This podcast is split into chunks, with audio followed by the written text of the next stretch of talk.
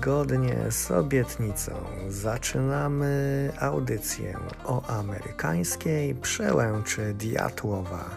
Zapraszam.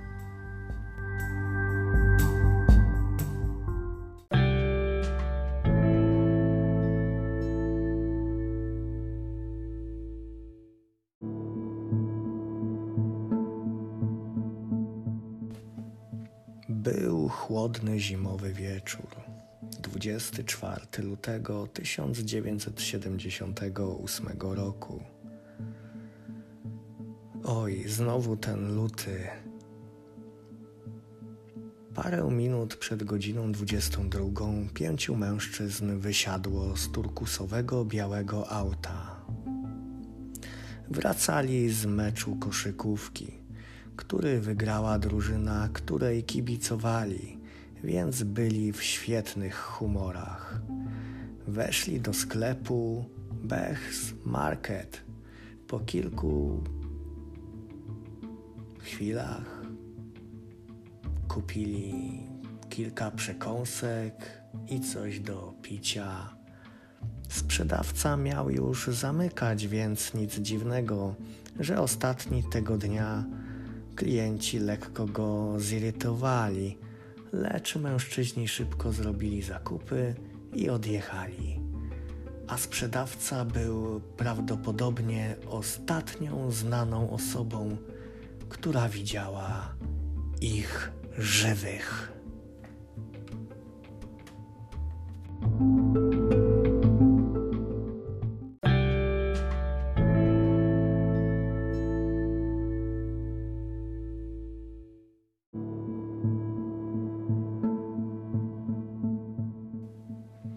Gardel Matias, Jack Madruga, Jakey Hout, Theodor Weicher i William Sterling.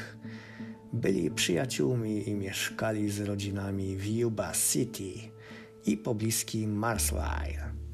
Łączyło ich nie tylko zamiłowanie do koszykówki – każdy z nich posiadał pewne dysfunkcje, które mogły zbliżyć mężczyzn do siebie. Trzech z pięciu przyjaciół zostało oficjalnie zdiagnozowanych jako lekko opóźnieni w rozwoju. Jack Madruga nie został oficjalnie zdiagnozowany, lecz matka określała go jako ociężałego umysłowo. Natomiast Matias był w trakcie leczenia schizofrenii, która objawiła się 5 lat temu. Od dwóch lat nie było nawrotów choroby. Schizofrenia była następstwem problemów z narkotykami, które pojawiły się podczas jego służby wojskowej, pomimo ułomności poza sytuacjami stresującymi, mężczyźni na co dzień funkcjonowali bardzo dobrze.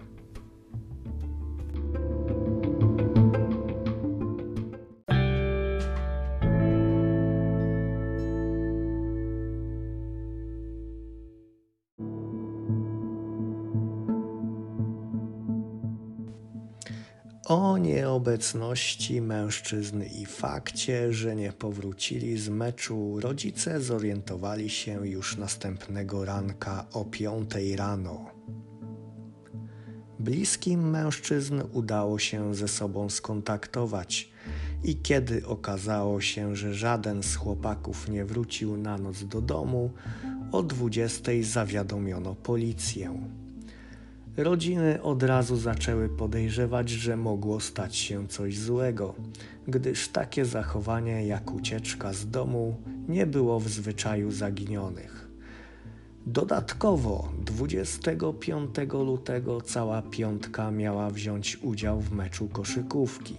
Mecz był przez nich bardzo wyczekiwany, a nagrodą w przypadku wygranej miał być wyjazd do Los Angeles. Wszyscy mieli już przygotowane sportowe stroje na tę okazję. Chłopcy nie mogli opuścić tak ważnego dla nich wydarzenia. Przez ostatnie tygodnie przygotowywali się do niego i mówili tylko o nim. Rozpoczęto poszukiwania.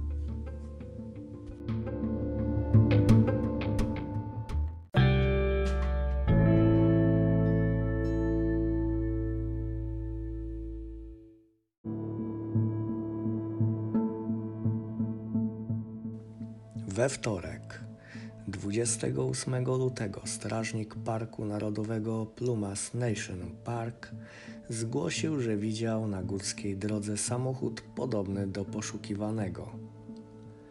Obecność auta w tym miejscu nie zdziwiła go.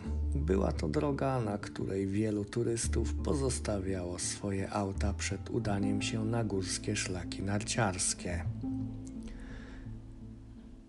Strażnik doprowadził ekipy poszukiwawcze do samochodu. Auto znajdowało się około 112 km od Hiko w odległym rejonie Plumas Nation Forest na wysokogórskiej szutrowej drodze. Samochód utknął w zaspie śnieżnej, lecz stwierdzono, że pięć mężczyzn z łatwością mogło go z niej wypchnąć. W baku znajdowało się paliwo i choć nie znaleziono kluczyków, policjantom bez problemu udało się odpalić auto. Na krótko, co mogło świadczyć o tym, że w aucie nie rozładował się akumulator oraz nie było żadnej innej usterki, która mogłaby unieruchomić pojazd i zmusić mężczyzn do opuszczenia go.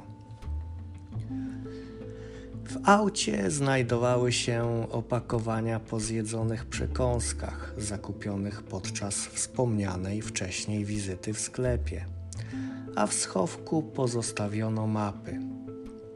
W pobliżu samochodu nie znaleziono żadnych śladów wskazujących na to, co mogło stać się z mężczyznami. Najbardziej niepokojącym okazał się fakt, że auto pozostawiono otwarte z opuszczonym oknem. Rodzice madrugi, do którego należał samochód, powiedzieli, że był on tak cenny dla ich syna, że to niemożliwe, aby Jack z własnej woli porzucił otwarty samochód. Zawsze dbał o pojazd i potrafił nawet po odejściu od samochodu wrócić, aby upewnić się, że na pewno zamknął dobrze drzwi.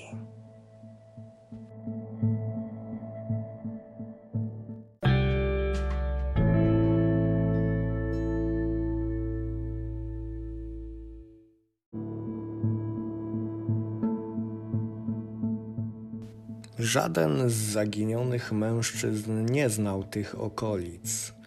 Dlaczego więc zdecydowali się na tak ryzykowną wycieczkę w ciemną noc, w nieznane rejony? Rodziny Madrugi i Hueta twierdziły też, że nie przepadali oni za wypadami na łono natury. A zaginieni z wyjątkiem Matiasa, któremu zdarzały się nocne wypady ze znajomymi, była domatorami.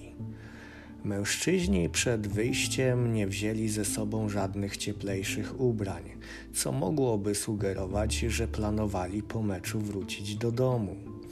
W dniu, kiedy odnaleziono auto, obfite opady przykryły wszelkie ślady 23 cm warstwą śniegu. Utrudniło to znacznie poszukiwania które ze względu na i tak już bardzo trudne warunki były prowadzone konno oraz pieszo.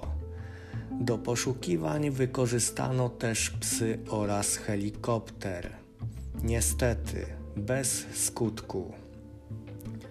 Warunki pogodowe panujące w tamtym czasie w rejonie poszukiwań były tak trudne, że podczas akcji poszukiwawczej zdarzały się sytuacje zagrażające życiu przeszkolonych ratowników.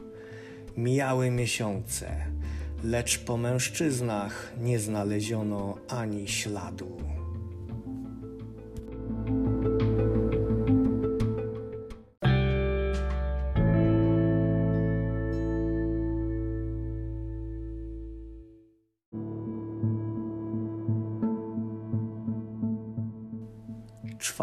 Czerwca 1978 roku grupa motocyklistów, korzystając z możliwości przejechania górskim szlakiem, udała się na wyprawę do opuszczonego obozu strażników leśnych.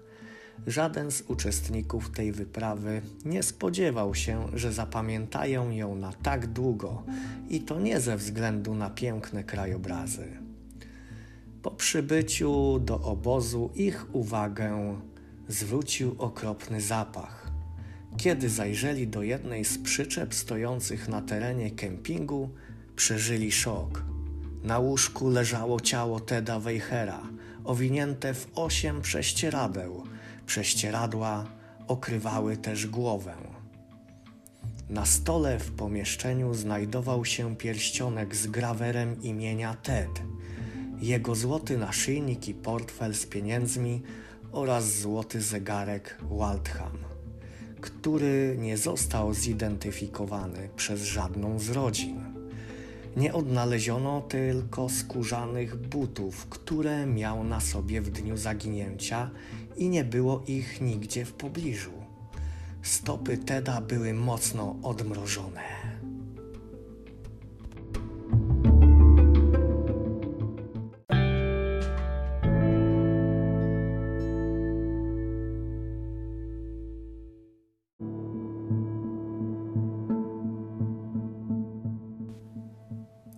W lutym, kiedy Weicher ostatni raz był widziany przez rodzinę, ważył około 90 kg, 200 funtów.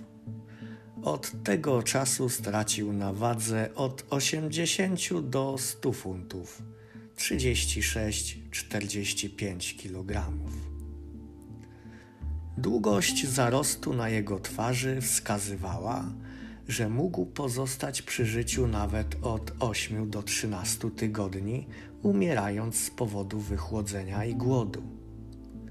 Niektóre źródła mówią, że mógł żyć jeszcze dwa tygodnie przed dotarciem do obozu motocyklistów. Najbardziej zaskakujący okazał się fakt, że w przyczepie oraz w szafkach na zewnątrz znajdowało się wystarczająco racji żywnościowych, aby przeżyć nawet rok, a tylko trochę ponad 12 racji zostało zjedzonych. Jedna z puszek została otwarta wojskowym otwieraczem P-38, który nie był zbyt intuicyjny w obsłudze i prawdopodobnie używać go potrafili tylko Madruga i Matias, którzy służyli w armii. Nigdy nie rozpalono też ognia, choć w przyczepie znajdowały się zapałki oraz wiele materiałów, które mogłyby służyć jako rozpałka w kryzysowej sytuacji. Książki i meble, czy mężczyźni nie rozpalili ognia, ponieważ obawiali się czegoś i nie chcieli zdradzać swojego miejsca pobytu? Prawdopodobnie nigdy nie poznamy odpowiedzi na to pytanie.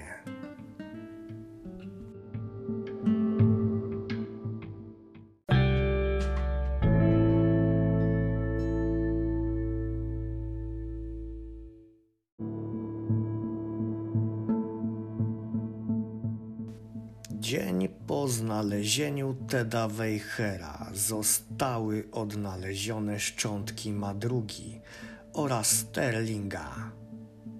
Znajdowały się przy drodze do przyczepy około 18 kilometrów od samochodu.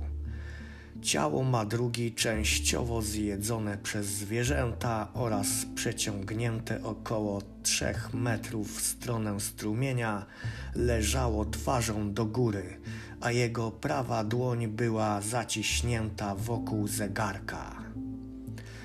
Madruga był wojskowym, którego szkolono że w chwili śmierci lub w niebezpieczeństwie należy zatrzymać zegarek, aby ułatwić ustalenie czasu zgonu. Być może starał się to zrobić w ostatnich chwilach życia. Szczątki Sterlinga znajdowały się obok zalesionej okolicy, rozciągnięte na około 15 metrów. Nie zostało z niego nic oprócz kości.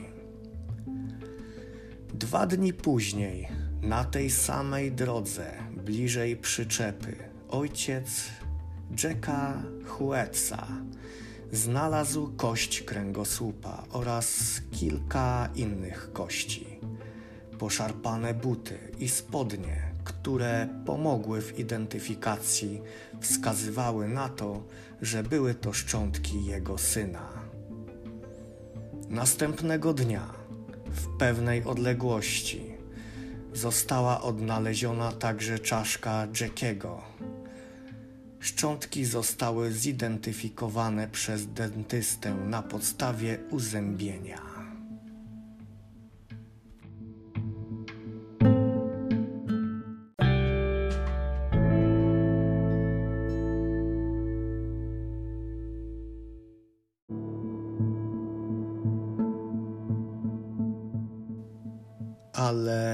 Odnaleziono żadnych śladów po Garym Matiasie. Jednym tropem były jego tenisówki znalezione w przyczepie, w której znajdowało się ciało Teda Weichera. Niektóre źródła podają, że tenisówki zostały znalezione w lesie w pewnej odległości od przyczepy. Śledczy wysunęli przypuszczenia – że być może Gary zamienił swoje cienkie buty na lepsze skórzane buty Teda. Poszukiwania Garego kontynuowano. Rozesłano jego opis do różnych szpitali psychiatrycznych. Matias nie miał przy sobie portfela z dokumentami, kiedy wychodził z domu, więc trudno było zidentyfikować jego tożsamość. Przed zaginięciem dwa razy dziennie brał leki na schizofrenię, a dłuższy czas bez medykamentów mógł skutkować nawrotem choroby. Poszukiwania jednak okazały się bezowocne.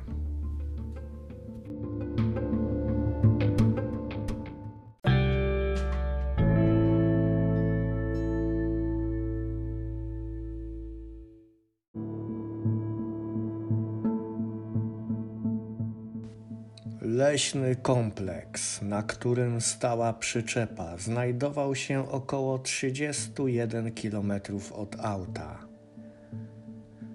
Mężczyźni musieli pokonać ten dystans pieszo, miejscami przedzierając się przez metrowe zaspy, ubrani jedynie w lekkie koszule i kurtki i cienkie spodnie. Jeśli weźmiemy pod uwagę fakt, że zdrowy dorosły człowiek w normalnych warunkach idzie około 5 km na godzinę, to w zaspach i w ciemnościach przemarznięty człowiek mógł się poruszać około 2-3 km na godzinę. W najlepszym wypadku dojście do domku, gdzie ostatecznie umarł Ted Weicher, musiało zająć około 10 godzin. Mężczyźni wyjechali z miasta Hika po godzinie 22. W sklepie byli kilka minut przed zamknięciem. Odległość od Hika do miejsca, gdzie odnaleziono auto, to około 110 km. Część tej trasy prowadziła po wyboistej szutrowej drodze.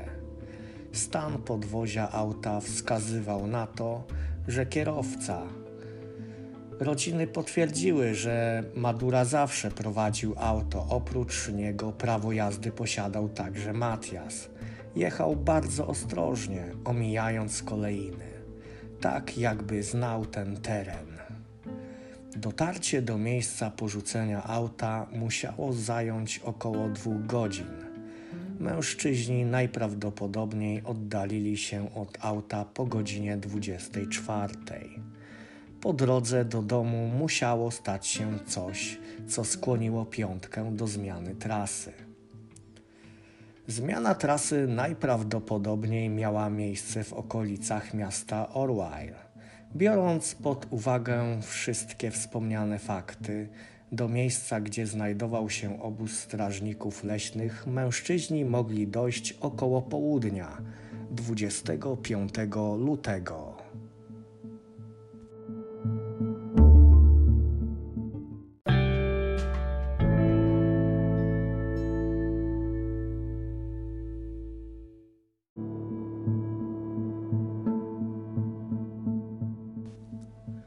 Po dziesięciogodzinnej wędrówce mężczyźni zapewne byli wykończeni, a na pewno przemarznięci. Dlaczego więc nie skorzystali z okazji, aby rozpalić ogień?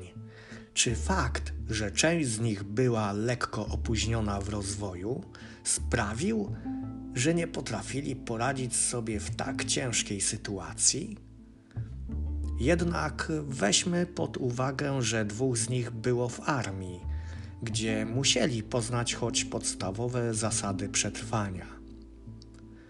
Rodziny zaginionych powiedziały, że mężczyźni mogli także obawiać się konsekwencji prawnych, które groziły za włamanie się do cudzego domu. Ich tok rozumowania był trochę inny niż u kompletnie zdrowego człowieka. Być może z tego powodu zaniechali też rozpalenia ognia.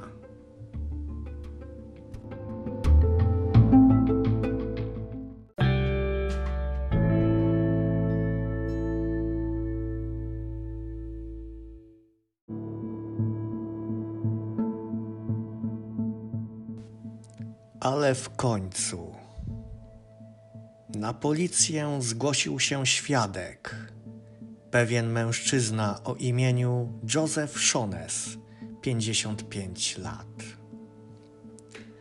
Powiedział, że przebywał na tej samej górskiej drodze, gdzie odnaleziono auto. Wieczorem 24 lutego, czyli w dniu, kiedy ostatni raz widziano mężczyzn. Shones udał się na szlak, aby sprawdzić, czy opady śniegu pozwolą na zabranie żony i córki w góry. Zanim wyjechał na drogę górską, zajechał do pobliskiego schroniska Nadrinka. Po jakimś czasie wyruszył na trasę. Jego samochód ugrzązł w zaspie około 45 metrów od miejsca, gdzie później odnaleziono opuszczony samochód, w którym podróżowali zaginieni mężczyźni. Gdy Shones próbował wypchnąć swe auto z zaspy, dostał ataku serca. Położył się w aucie i włączył ogrzewanie, czekając na pomoc. Po jakimś czasie w nocy usłyszał dźwięki i wyszedł z auta. Twierdził, że widział grupę mężczyzn i kobietę z dzieckiem. Zawołał o pomoc, jednak nikt nie odpowiedział i nie poszedł do niego. Mężczyzna wrócił do samochodu, gdzie prawdopodobnie zasnął. Wydawało mu się, że minęło kilka godzin, kiedy zobaczył na zewnątrz światło latarki. Ponownie zawołał o pomoc. Jednak i tym razem nikt nie odpowiedział. Światło zgasło, a ktoś, kimkolwiek był, oddalił się. Shones leżał w aucie, dopóki nie skończyło się paliwo. Następnie, gdy odzyskał siły, wczesnym rankiem, jeszcze w świetle księżyca, szedł prawie 13 kilometrów do schroniska, do którego wcześniej zajechał.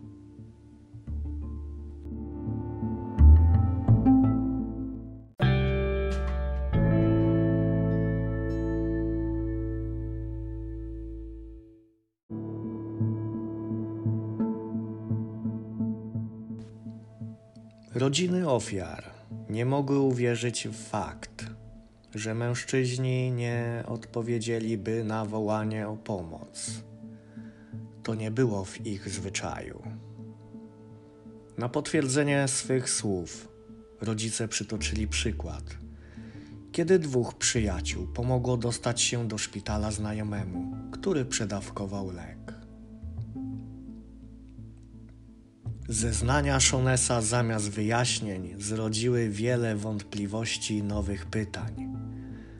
Mężczyzna twierdził także, że w nocy około 6 metrów za jego autem zaparkował na chwilę pick-up, po czym odjechał dalej. Jednak później mężczyzna stwierdził, że nie jest pewien, co widział tamtej nocy, ponieważ mógł mieć halucynacje wywołane bólem z powodu ataku serca.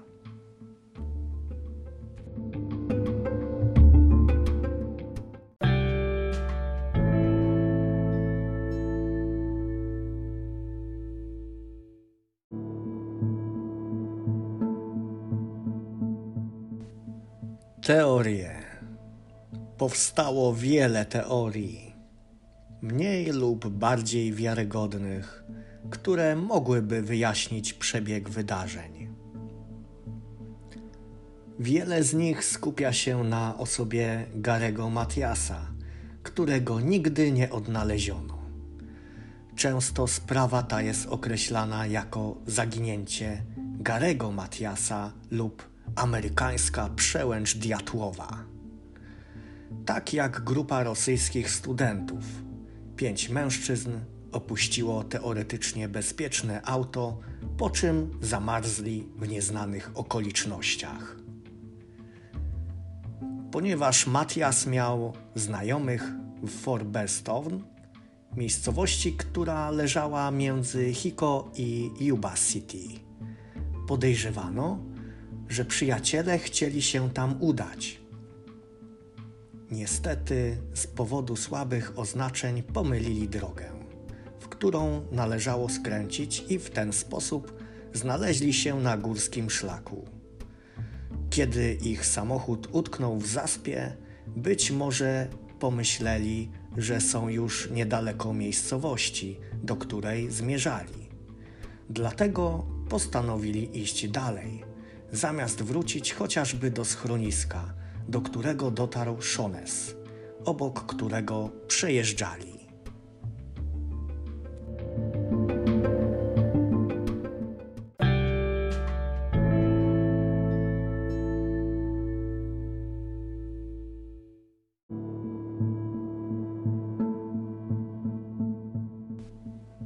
Kiedy ruszyli na piechotę i przeszli kawałek, być może stwierdzili, że są już za daleko, aby wrócić, więc brnęli dalej w śniegu.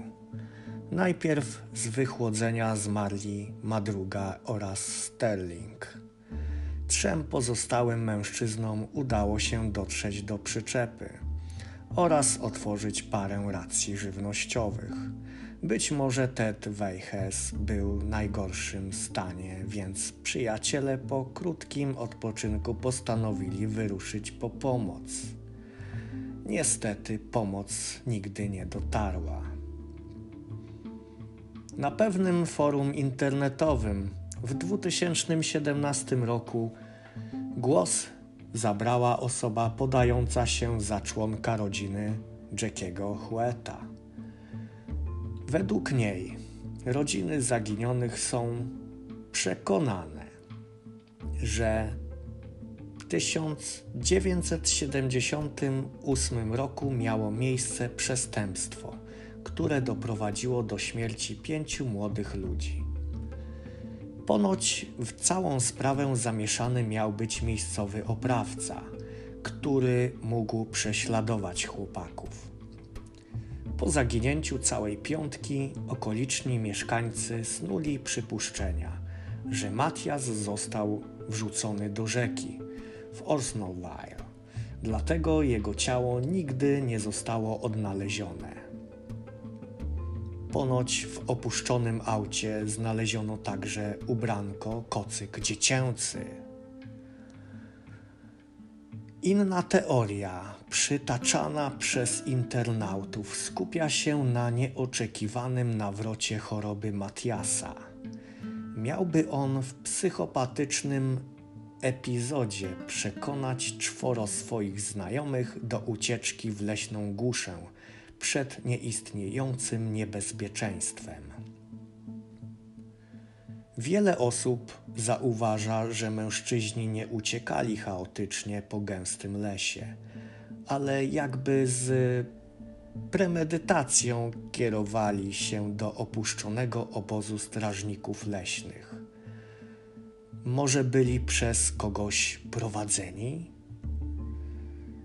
23 lutego trasą tą przejechała maszyna zwana Snowcat, poruszająca się na gąsienicach i wytyczyła trasę w śniegu. Być może mężczyźni myśleli, że świeżo odśnieżony szlak wkrótce doprowadzi ich do ludzi, gdzie uzyskają pomoc. Ta tajemnicza historia od 40 lat nie została rozwiązana. Znalezione ślady pozostawiały tylko więcej pytań niż odpowiedzi. Co stało się po meczu i co pokierowało losem pięciu przyjaciół? Być może nigdy nie poznamy odpowiedzi na to pytanie.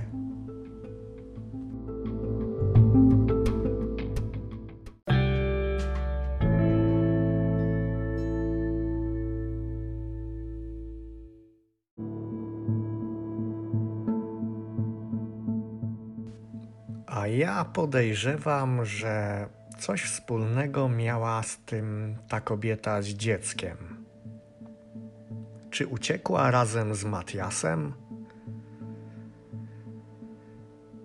Trudno powiedzieć. Jeśli podobała Wam się ta historia, to dajcie znać. Będzie więcej, bo zbliża się Halloween. Do usłyszenia.